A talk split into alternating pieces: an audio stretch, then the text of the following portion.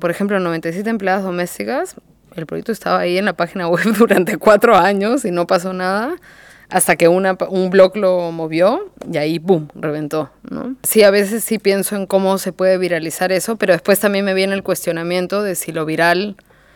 o sea, sí te puede servir para algo, pero viral, pues haces un scroll hacia abajo del Facebook y te has visto 10 cosas virales de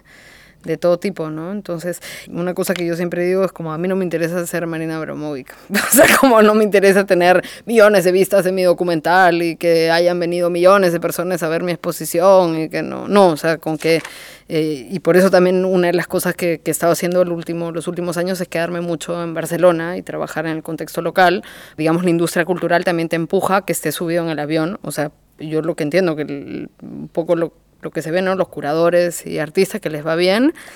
están siempre una semana en cada país distinto, ¿no?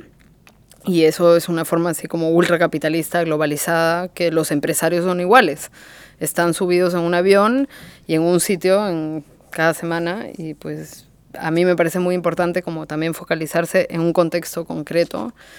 y hacer un trabajo más micropolítico también, ¿no? Que sí, por ahí después puede viralizar el video, pero tú estás trabajando en un contexto en concreto durante años y no sé, después eso tiene otra, otra forma, no es mucho más sólido.